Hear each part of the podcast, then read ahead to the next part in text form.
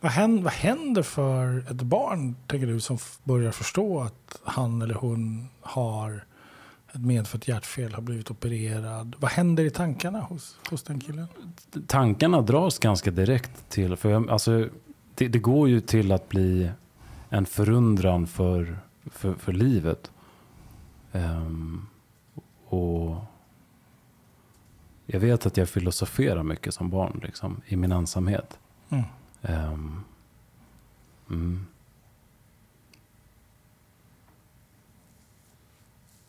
Mm, så du filosoferar mycket. Vad mer? Hur påverkas ett barn av en sån här insikt? Hur påverkas du av det här?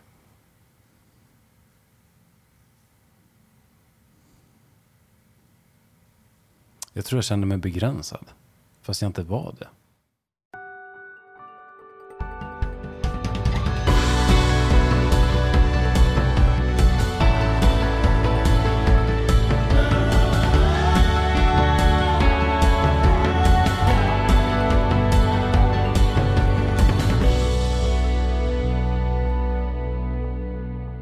Så vi har pratat en gång förut? Eller två gånger? Nej, en gång. En gång. En gång förut. Vad, vad handlade det om då? Jag behövde ju kontakta någon. Jag behövde någonting att hålla mig i för att jag var så förvirrad skulle jag kunna kalla det. Och tillbringade stor del liksom själv i förvirring och kom ingen vart med det. Ehm, och då kontaktade jag dig. Och vi surrade. Och då ringde du från din lastbil va? Mitt i kaoset. Mm. För det är där det utspelar sig. Gjorde. Ute vid Nacka? Nej, ty. Jag kör över Storstockholm. Ja. Vid tillfället när vi pratade med varandra, då hade jag parkerat. Jag kommer ihåg det samtalet. Mm. Och då satt jag vid Statoil vid Magelungsvägen nedanför Högdalen. Just det. Mm. Och det var massor som kom och ropade på dig? Om jag inte... Du var inte ensam, det var någon som kom? Det var säkert lite runt omkring om att någon tyckte att jag stod fel eller någonting. Mm. Säkert. Så vad är det du lastbilar med? Vad lastbilar de? Jag lastbilar med eh, byggsopor i form av containrar och byggsäckar. Sådana en big bags och sorterarsäckar som står på stan. Anställd, egen? Anställd. Hur länge har du jobbat med det? Till och från i ehm, sju år. Mm. Och prövat lite olika saker också. Så det du ringde mig för det var... Vad sa du? Du ringde mig? Det du ringde mig för det var... Mm. Jag ringde dig därför att jag hade problem att jag ofta var så uppehållen av eh, tankar som ledde till förvirring som har med existensen, existensen att göra. Alltså en slags existentiell förvirring. Eh, Och vad betyder det för dig? Bara så att jag hänger med. Existentiell förvirring för mig betyder att jag eh, tänker mycket på varför jag och någonting finns överhuvudtaget. Mm. Och öppnar upp den dörren på vid gavel och flera andra samtidigt. Tills jag inte håller reda på någonting. Och det är förvirring. Jag vet Mm. inte var jag kommer ifrån eh, eller hur jag kommer tillbaka. Det är förvirring, existentiell förvirring för mig. Okej. För jag tänker, det, det där är ju ingen som har svar på. Nej, Så det är ju ingen existentiell förvirring, utan det är ju en existentiell normalitet. Det var lustigt när, att du sa det. För att, eh, jag ville presentera mer vad jag är idag för dig. Och, och, jag, och jag landade på vad fan är jag då? För det är ju inte existentiell förvirring. Men, men det finns kvar utav samma, eh, samma, samma sak. Samma existens. Nyfikenhet. Och jag bara, och jag bara, vad är det då? Det är existens. Sen hade jag inga fler ord för det. Men det finns kvar, Mm. såklart. Och jag tror alltså att det är därför, det råkar nog vara därför jag sitter här idag. För att den liksom um, oroligheten och roligheten också finns. Det är ju både och. Mm. Vad, vad tänker du att vi ska jobba med idag? Mm, Om vi provtänker högt om det. det är ju det här. Ehm, och det är svårdefinierbart. När jag försöker göra det tydligt, som brukar förenkla saker. Ehm, då blir det så här, okej, ska vi prata om var det började? Mitt medfödda hjärtfel. Hur jag var som barn. Vilka vuxna jag pratat om, om livet och döden med liksom som barn. Vad fick jag för stöd då? Och sådana saker. Den typen av, alltså, på sätt och vis har jag redan haft det här samtalet med mig själv. jag har gissat vart det skulle leda någonstans. Mm. Men jag vet inte egentligen. Så när vi är klara idag, vad är det vi är klara med? Vad vi har jobbat med. På sätt och vis så är det som att jag typ längtar efter att bli sedd. Och, att du, och jag ser att du ser på mig nu. På ett sätt som det känns som att jag saknar. Okej. Ehm, så, så om jag ser dig under samtalet, då har det varit ett bra samtal. Ja, det Vad, vad kommer det att leda till att du blir sedd? Att jag vågar göra mig sedd själv också. Okej. Och vad händer då? Eh, då blir jag större. Okej. Så Större, blir sedd. Varför är det här viktigt för dig? Det är viktigt för att ehm, tankar finns fortfarande. Om det vi nämnde tidigare. Om vem jag är, varför finns allting och liksom ehm, existentiella frågor och funderingar. Och jag märker att jag tenderar att göra det eh, i ett slutet eget rum. Som jag inte trivs i alls. Som jag känner mig stängd och liten i. Och jag vill liksom... Jag vet inte, vet du, det är bara att jag vill prata om det. Mm. Om vad då? Vad är det du behöver prata om? Om att vi finns. Mm. Och att vi sitter här och ser varandra i ögonen. Och att det är liksom ett faktum. Och att jag sitter här. Jag vill liksom berätta det. Att du sitter här. Mm. Mm. Hur hänger det här ihop med ditt hjärtfel? När jag har hobbypsykologat mig själv. Så tror jag att det fick mig att som barn tidigt tänka på existentiella frågor.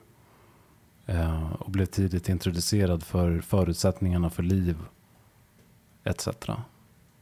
Ehm, Hur, hur gammal är du när du förstår att du har ett medfött hjärtfel? det är ju medfött och har alltid varit med mig. Men när förstår du det?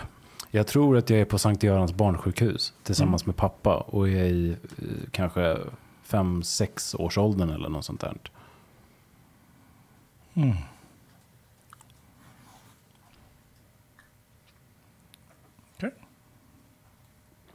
Och vad är det du förstår där?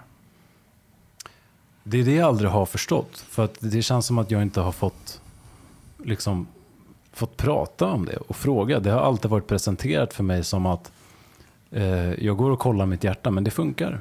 Det är bra, det är ingen biggie. Det är ingenting att tänka på. Eller så här. Och morsan och farsan har alltid varit eh, lugna över det. För att det är bra, det är ju bra. Hjärtat Mm. funkar, bankar och slår. Det opererades och nu funkar och jag går på kontroller liksom var och varannat år. Och så har det bara alltid varit. Mm. Hur gammal är du när du opereras? Eh, tre månader. Mm. Ehm, Så tre månaders bebis, Ja, bebis, när du blev precis. opererad för ett, ett medfött hjärtfel? mm. Okej. Har du pratat med, med dina föräldrar? Har de pratat med dig om hur det var för dem då? Mm, jag har frågat dem. Mm. Ehm, de bara, nej men vi var inte oroliga för du var ju så frisk och glad. Liksom. Och de, läkarna sa att du kommer nog aldrig bli en maratonlöpare men du kan han kan bli en liten brottare. Liksom. Så det var glatt och bra. Tror du Ja. på dem? Alltså jag tänker ju själv. Jag hade inte varit så chill. Så tror du på dem? Jag hoppas inte det. Nej. Så de försöker verka lugna? Ja. Okej. Mm. Vad, händer, vad händer för ett barn, tänker du, som börjar förstå att han eller hon har ett medfött hjärtfel, har blivit opererad? Vad händer i tankarna hos, hos den killen? tankarna dras ganska direkt till, för jag, alltså, det, det går ju till att bli en förundran för, för, för livet. Ehm, och jag vet att jag filosoferar mycket som barn, liksom, i min ensamhet. Mm. Ehm, mm.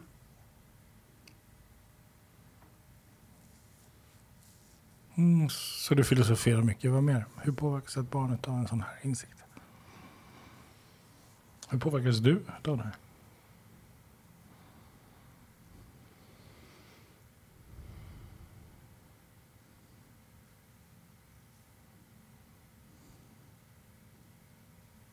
Jag tror jag kände mig begränsad.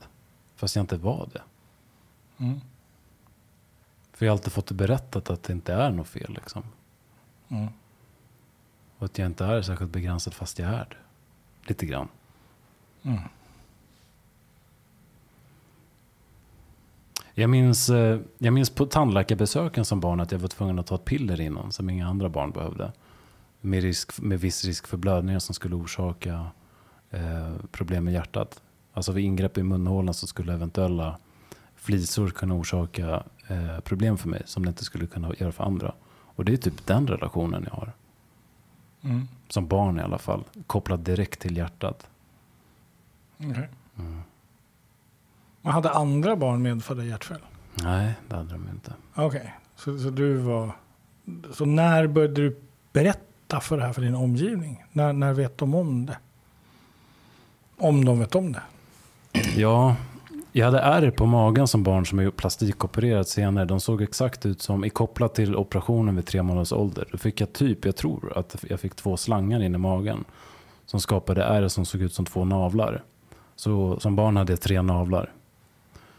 Ehm, och det var så jag fick berätta om, om mitt hjärtfel. Liksom. Ehm, när någon frågade varför har du tre navlar?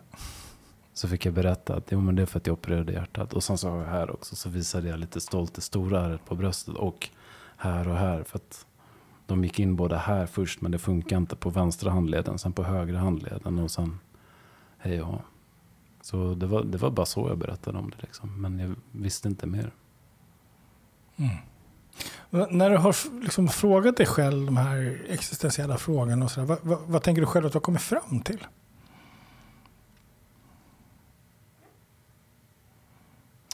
Det beror på vilka sammanhang. Det finns ju olika.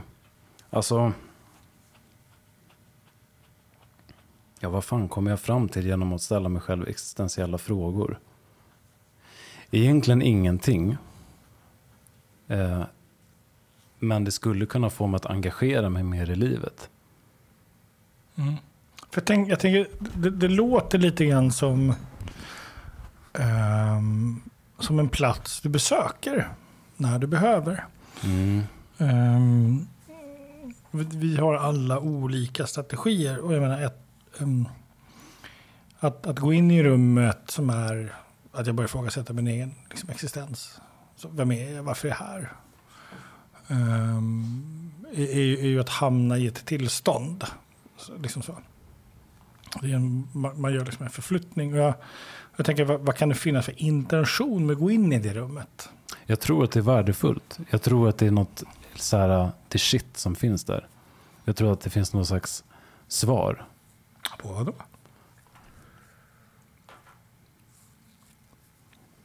Varför? Varför lever du? Mm. Varför är du inte död? Är det den du tänker på? Varför har du klarat dig och inte andra? Eller varför har du hjärtfel och inte de andra? Mm.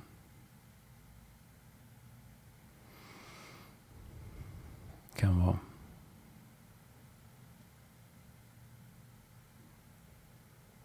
Kan du känna skuld för att du har överlevt?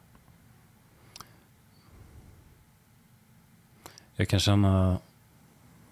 Alltså ja, men det, när, när den tanken kommer så känns det typ som att eh, jag står i skuld för att jag har det så bra.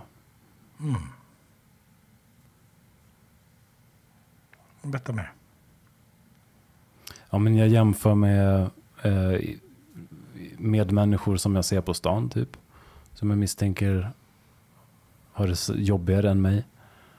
Eh, och alla lider av något liksom. Mm. Den kommer. Mm. Så, så varför har du det bra? Jag lever ju, jag finns, jag har allt. Jag har, allt. Mm. Jag har det jättebra. Mm. Verkligen alltså.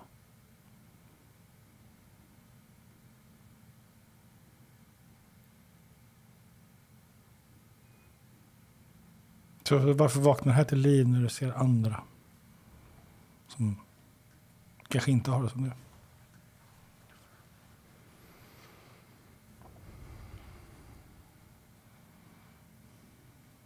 Det känns fan som att jag inte får vara här.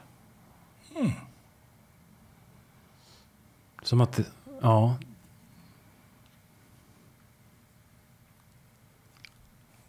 Som att har tagit någon annans plats. typ. Ja, så här orättfärdigad. Mm.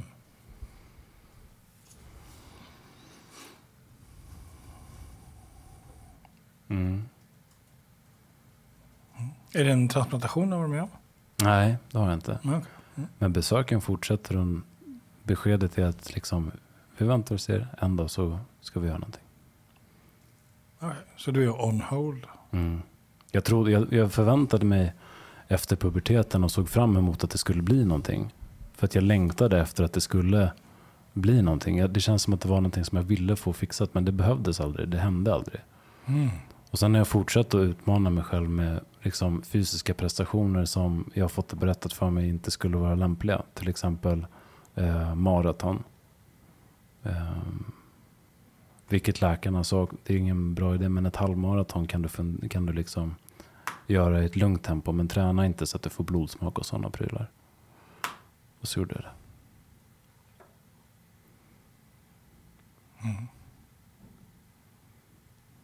Så vad är det du går och väntar på? Det är typ som att jag väntar på att det ska sluta slå. Mm. Faktiskt.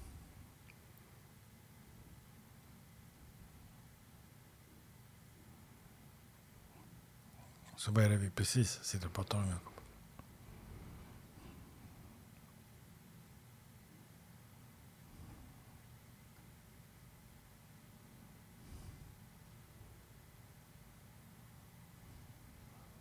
Att jag lever och dör. Jag vet inte, vad tänker du? Mm, fortsätt, vad tänker du att vi pratar om? Vi lever och dör.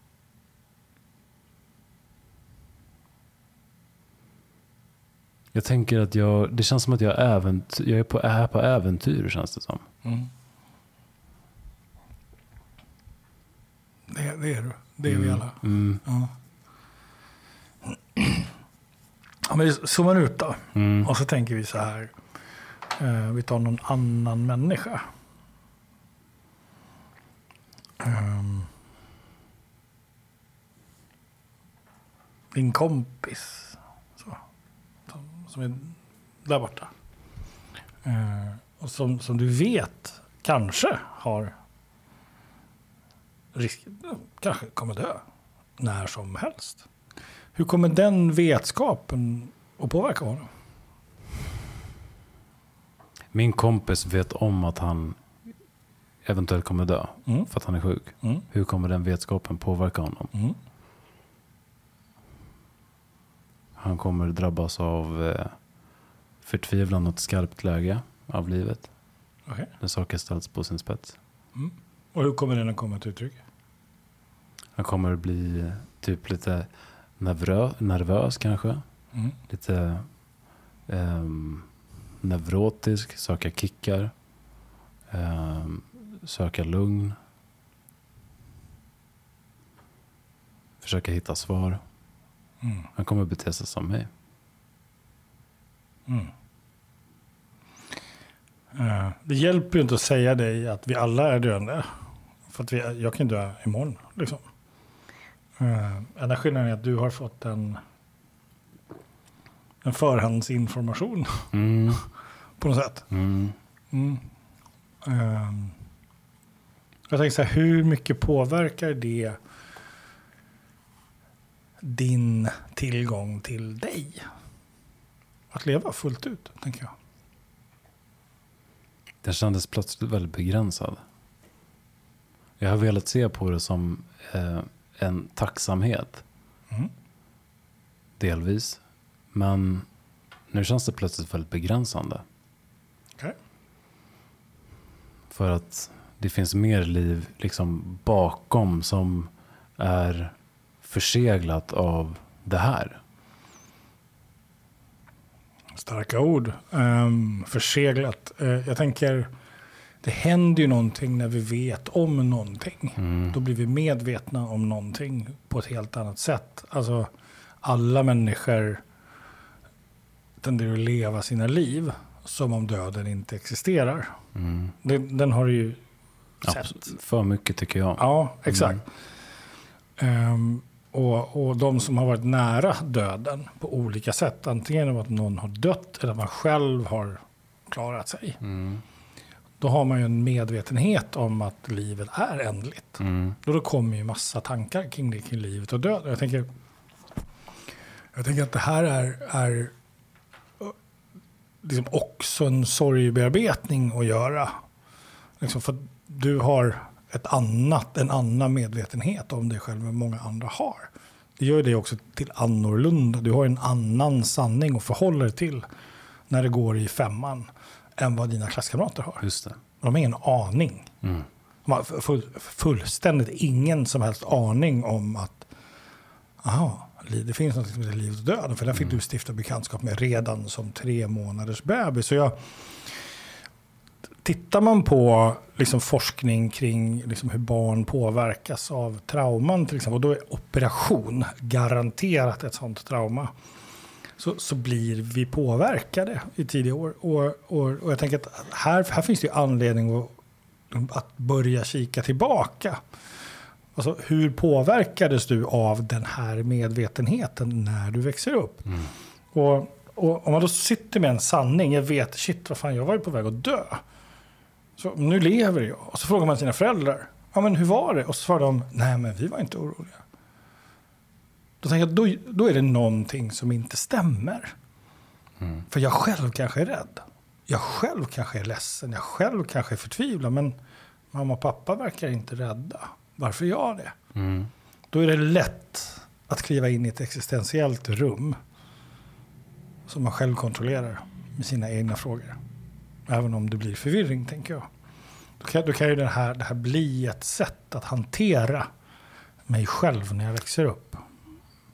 För att jag får vara där själv. Eh, exakt. Det känner jag igen. Mm. Hmm. Så vad gör vi nu? Ett annat rum. Mm. Nästa rum. Just det. Nu har du levt ett liv med döden närvarande Mm. och du har klarat dig. Vad skulle hända om du skapade rum med livet närvarande?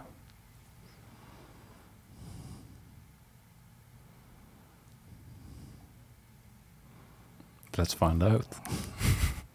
Vad händer för dig nu? Jag vet inte, det är mycket på samma gång. Jag vill säga att det är en slags befrielse eller nytändning. Och jag tror att det är det, men att den måste, eller att den får, att den får komma ut utanför det här rummet sen. Mm. Mm. Mm. Men jag känner ett lugn i min kropp just nu.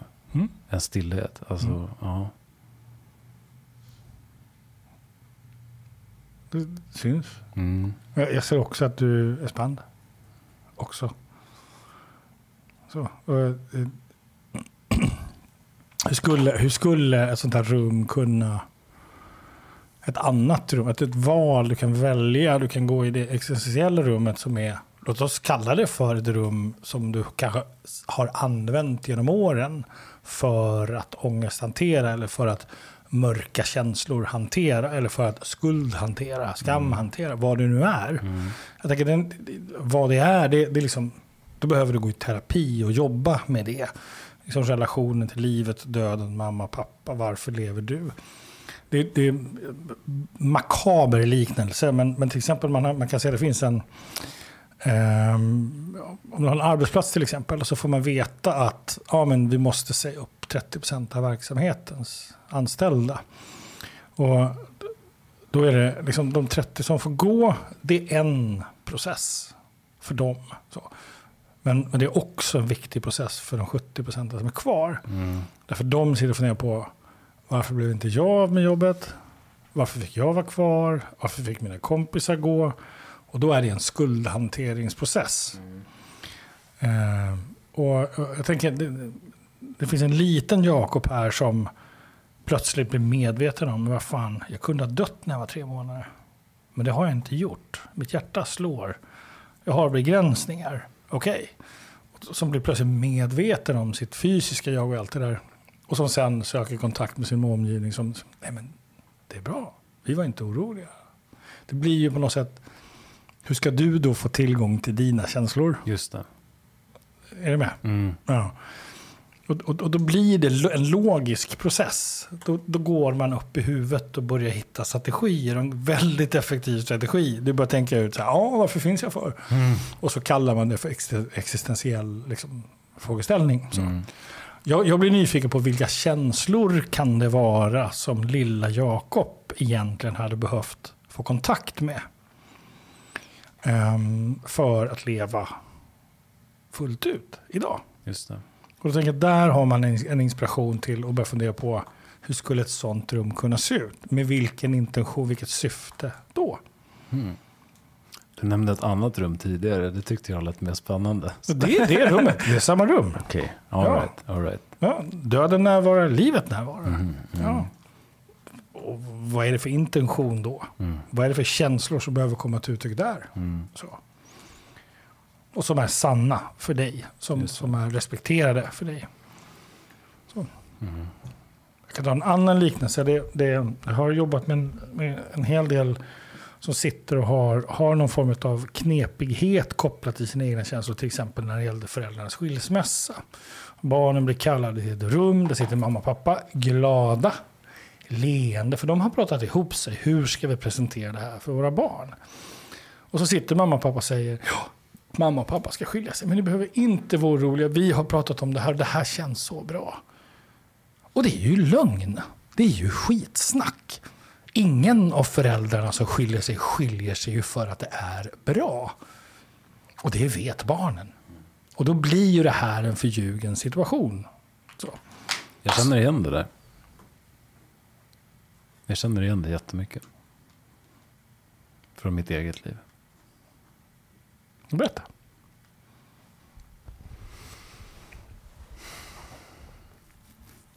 Allt är bra. Allt är bara bra. Och det löser sig snart. Ta lite frisk luft. Gröt är bra också. Det är så.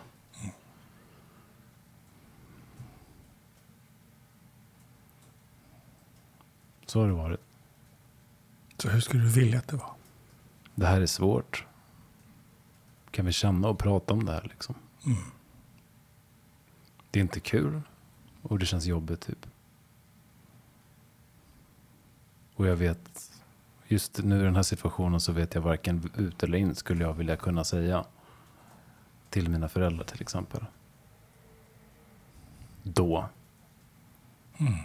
Idag finns en annan förståelse och förlåtelse skulle jag vilja påstå. Mm. Men jag hade behövt. V- vad var det du hade behövt? Jag hade behövt... Eh, alltså när jag ställde... Jag, jag, jag minns att jag och farsan står och fiskar på, vid, ute på en klippa långt ut på Tyresö Brevik. Eh, och jag frågar någonting om fiskarnas förhållande till... Nej, jag frågar någonting om vårt förhållande till rymden. Och farsan svarar ganska kort att det är som fiskarnas förhållande till vad som sker ovanför vattnet och så är det med det. Och sen var det liksom locket på på en ganska stor fråga. Ehm, mm. Mm. Och hur kändes det? Det kändes väldigt stängt. Så hur skulle du vilja att det var? Jag önskar att eh, farsan typ hade svarat. Jag vet inte, men vi kan lägga oss på rygg och, och, och, och kolla uppåt en stund. Liksom.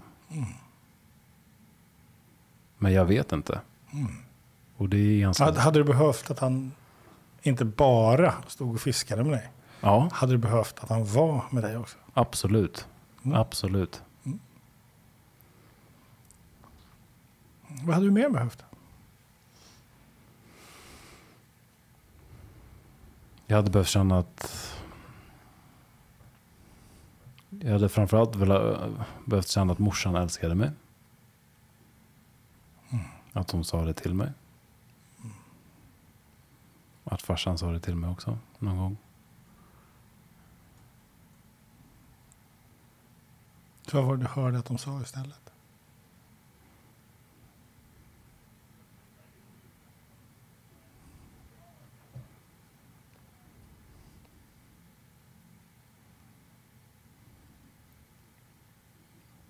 Det är bara tyst.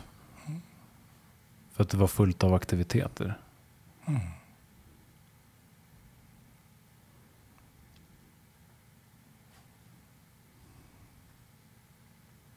Jag vill tro att de visade sin kärlek med, med handlingar och liksom närvaro i form av skogspromenader och utflykter och roliga roadtrips med familjen och liksom sånt där. Och det är ju ett sätt, vill jag tro. Men det saknas muntlig och tydlig kärlek. Liksom. Det som saknades var det du behövde. Mm. Har du syskon? Mm, två små systrar. De är små. De Två var småsystrar. det. Ja, de har alltid varit det. De är vuxna nu. Två småsystrar. Mm.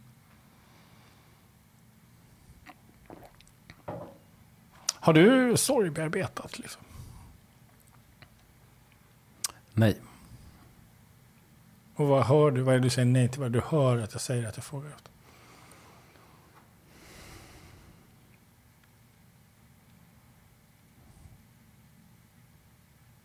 Vad är det jag hör att du frågar efter när Mm. du frågar om jag har sorg bearbetat? Mm.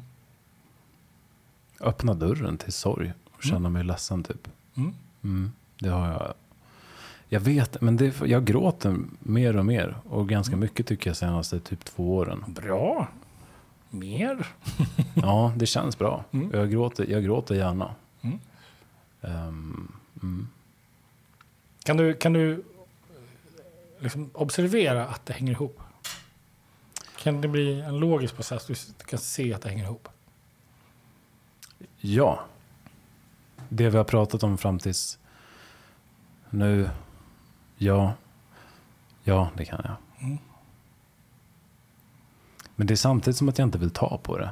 Mm. är samtidigt som jag har märkt det. Ja, det är så. Mm. Jag vill inte ta upp det, men det är logiskt, ja. Mm. Men jag, jag inbillar mig följande. Jag tror att alla människor är kapabla att känna och reflektera kring det som har varit. Eh, och ibland är vi bara ovana att göra det. Och ovanan skapar massa idéer kring att det är läskigt. Och det är lock och öppna dörrar och gudars moster.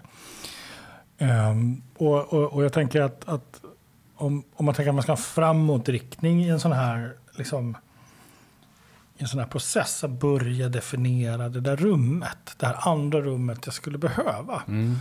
Eh, Så har, har vi redan nu börjat hitta några ledtrådar, till exempel närvarande ärlighet.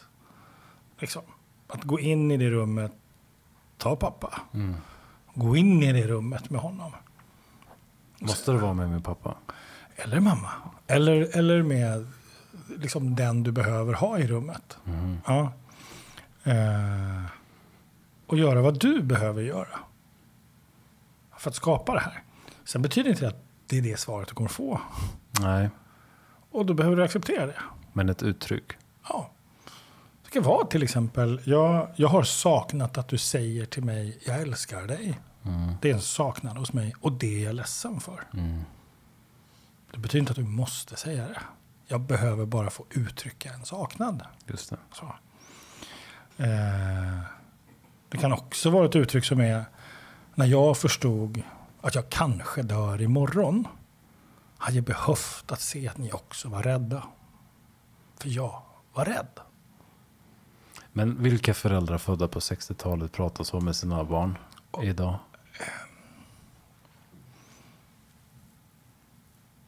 Är det intressant vad Ja, för- andra föräldrar gör? Ja, men jag, jag tycker att det känns...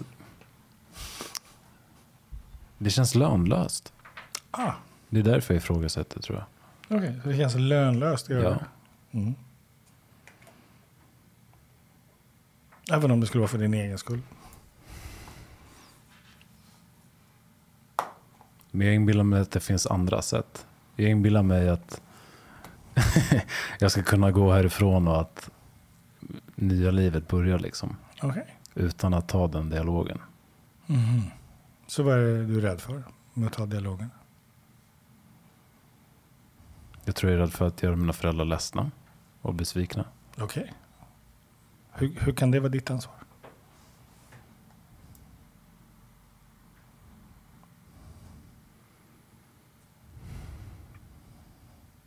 Okej.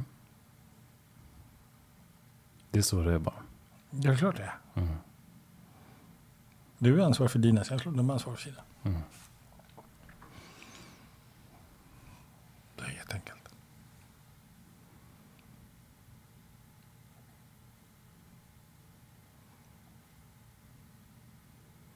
Så, så om han satt där, din pappa?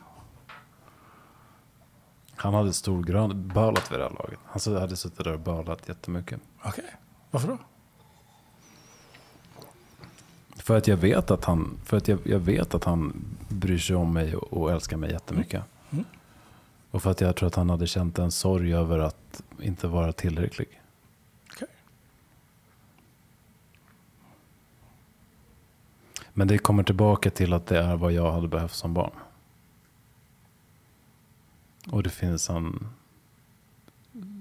sorg därifrån.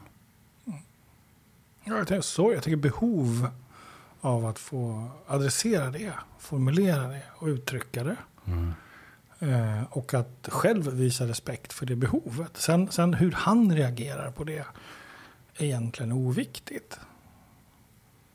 För det är hans resa. Just det. Och, och, och jag tänker att, att som förälder så är man aldrig tillräcklig.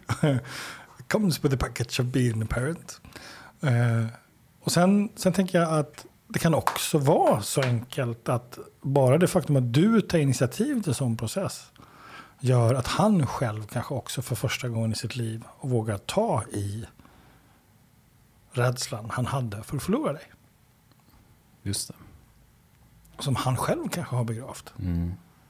Med en strategi som är att om man pratar om rymden, Mm. ja då stänger man det snacket. Mm. För dit vill vi inte gå, det är för jobbigt. Mm. Så att genom att vara den du behöver varje dag så gör du ju plötsligt, så skapar du plötsligt ett, ett rum som är möjligt för honom att komma in i.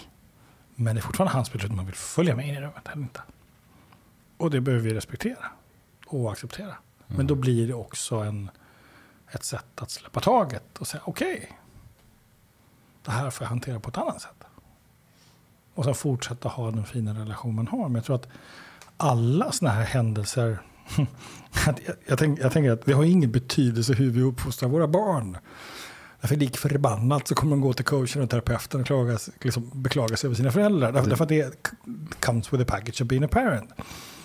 Uh, men jag tänker att man har ett ansvar som förälder. Och det är att man faktiskt ansvarar för relationen med sina barn.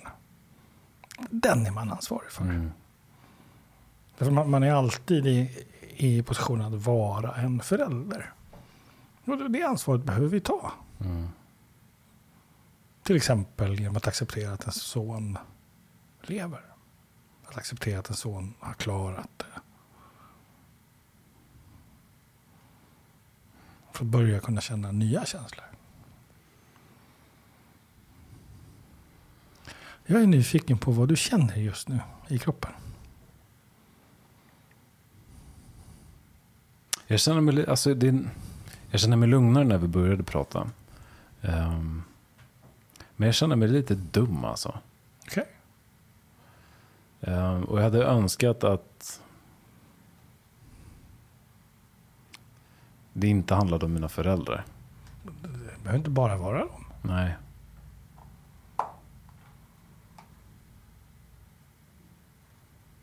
Jag blev nyfiken på varför du önskar att det inte handlar om dina föräldrar. För att jag vill att... Ja, vad fan är det det, det är då? Det... För att det, lå- det kanske låter cyniskt, men för att jag tror att, de, för att det känns så här okapabelt där. Det, det känns inte eh, som att det finns någonting att hämta. Det lät sorgligt tycker jag.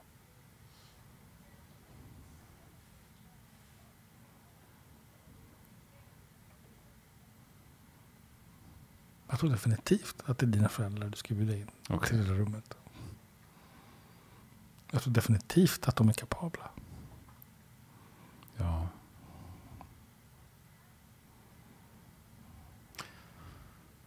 När du frågade mig förut när, om, om, din, om farsan skulle sitta här bredvid dig så såg han där framför. Han skulle varit med i matchen, det vet jag för sig. Mhm. Mm, Det är klart han skulle. mm, Han är ju din pappa. mm. Det, det, finns ingen, det finns ingen levande människa som klarar av att hantera ett potentiellt dödsbesked av sitt barn. Nej. På ett, på ett sunt, tryggt, harmoniskt sätt. Det finns, Mm. finns ingen skuld på dina föräldrar. Det finns ingen skuld på dig. Men i tystnaden, när vi börjar tystna för varandra av anpassning för att göra den andra ledsen eller inte, då börjar vi bli hemliga. Mm, Eh, då är det liksom lätt att hamna i, men vem är jag Mm. egentligen? mm, För jag har känslor, jag behöver prata om dem, jag får ingen respons. Det, Mm. det, det kommer att påverka min liksom, upplevelse av mig själv. mm, Och eh, har man börjat få fatt i de här grejerna och börjat fundera över dem, då behöver man också börja liksom, ta ansvar. Och det kan också vara ett sätt att vara den vuxna personen i relationen till dina föräldrar. Genom att säga, jag vill gå och fiska pappa. Men jag kommer också behöva prata med dig. mm. Just det. Ja. Och Den du vet- måste inte svara. Mm. Men jag behöver få prata med dig.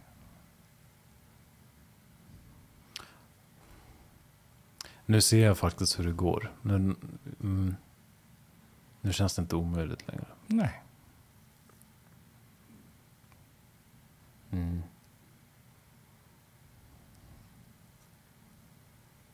Mm.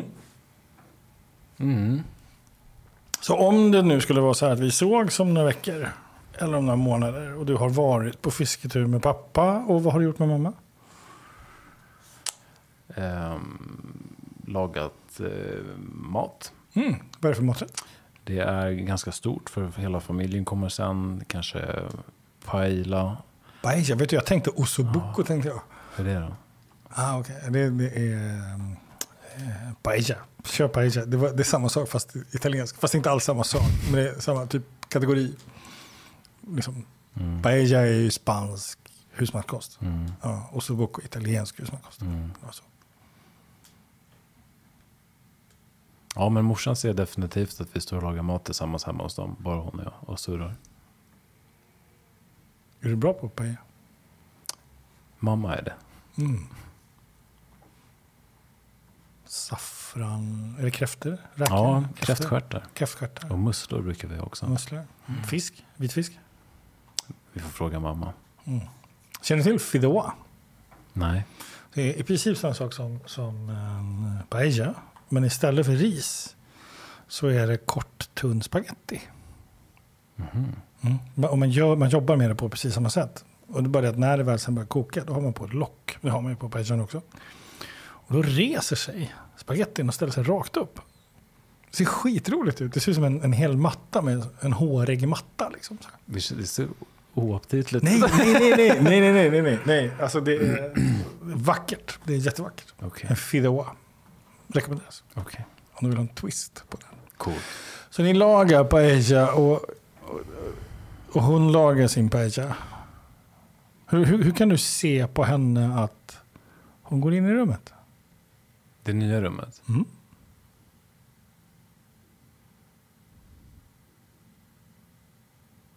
Hur jag ser på henne, att hon Mm. hänger med. Mm. Hon, alltså, det behövs inte mycket. Jag behöver att hon stannar upp och tittar på mig. Ja. Så vad är det du har sagt? Förlåt? Som, vad är det du har sagt som gör att hon stannar upp och tittar på dig? Jag har sagt... ehm, mamma som barn så hade jag behövt mer...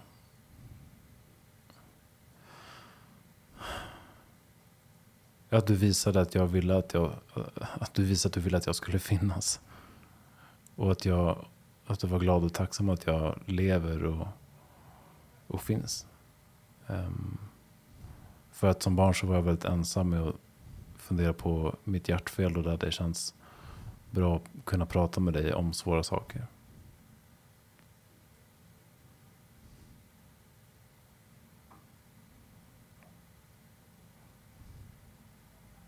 Mm.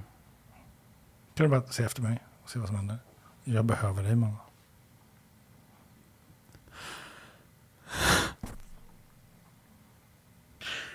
Jag behöver dig mamma.